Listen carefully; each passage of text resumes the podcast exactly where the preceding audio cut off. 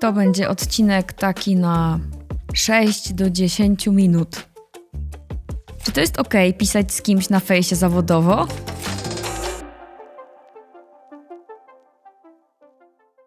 Co sądzić na temat rozmawiania ze sobą na fejsie odnośnie relacji ja, a ktoś, kto jest po drugiej stronie, ale zupełnie zawodowo? Tym kimś nie jest twój czy mój kolega, koleżanka, rodzina. Nie jest to ktoś nam bliski albo nawet daleki, ale z kim czasami lubimy sobie popisać. To jest ktoś, kto odzywa się, bo ma sprawę służbową. Mam kilkanaście takich kontaktów. Nie jest to super dużo, ale jednak, które są typowymi kontaktami służbowymi. I w sumie nawet jak wydaje mi się, że typowymi nie są, to i tak są. U mnie wygląda to tak, że są osoby, które dzielą się tak właściwie na trzy grupy. Pierwsza to jest taka, że to są osoby, które piszą do mnie na fejsie, bo potrzebują szybko jakiejś odpowiedzi, a na przykład nie lubią dzwonić albo uważają, że to będzie szybciej, że to jest szybsza droga. I osoby z tego kręgu często lubią też SMS-y albo na przykład WeChata, jeżeli mam coś wspólnego z tematami chińskimi. I są to najczęściej krótkie pytania, chcące dostać krótkich odpowiedzi. I tak je lubię, to jest ok. Drugi typ ludzi to są takie osoby, które piszą do mnie na fejsie zamiast użyć maila czy telefonu i w sumie nie ma w tym nic złego, ale to chyba trzeba lubić. Ja nie do końca lubię nie dlatego, że face jest moją tylko i wyłącznie prywatną przestrzenią, a właśnie z takim argumentem najczęściej się spotykałam e, rozmawiając o tym z innymi ludźmi, ale dlatego, że muszę się przyznać, że w biegu czytam i w tym samym biegu zdarza mi się zapomnieć odpisać. I z mailem jest tak, że odhaczam sobie wiadomości wysłane, takie do wysłania, i dodatkowo mogę sobie jeszcze je posortować na ważne i takie, które mogą poczekać kilka godzin albo do następnego dnia, a z Face'em odczytam. Widać, że odczytałam i osoba po drugiej stronie ma z tym problem. No bo odpisałam, widać, że. Przepraszam, odczytałam, widać, że odczytałam i nie odpisałam. I automatycznie ja później też ten problem mam. Wydaje mi się, że gdybym miała taką wiadomość w mailu, to bym o niej pamiętała.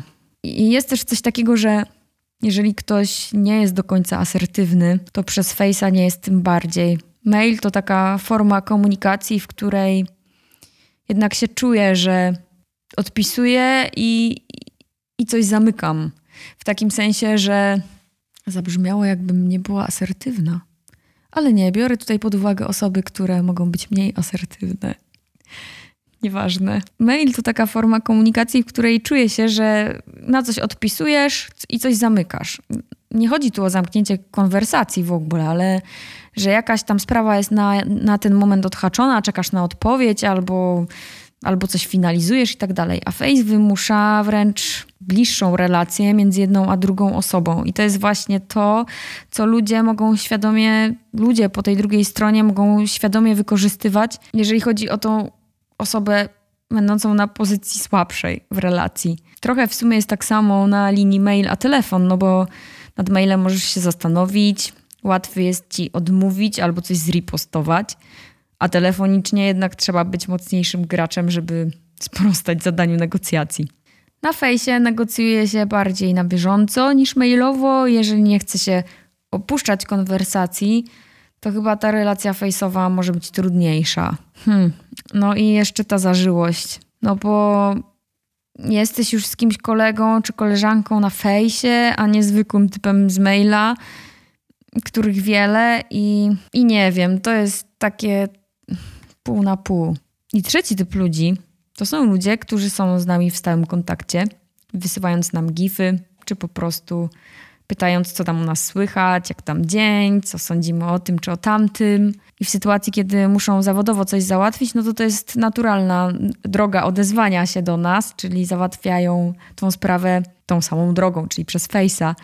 I jesteśmy wtedy trochę w pułapce, no bo albo to jest nasz rzeczywiście dobry kumpel, i tak się zdarza, nie ma w tym nic złego. Albo w którymś momencie okazuje się, że o waszych dotych, dotychczasowych rozmowach wie pół piętra kolegi w korpo, albo do twojego szefa dzwoni jego szef z reprymendą lub gratulacjami, a ty zostajesz z takim poczuciem what the fuck, co tu się właśnie wydarzyło? No i takich osób na szczęście nie mam wiele, ale kilka się znajdzie. Co najśmieszniejsze, zupełnie inaczej traktuję Instagrama. ale to pewnie w kolejnym odcinku. Podsumowując, czy to jest spoko pisać z kimś na fejsie służbowo?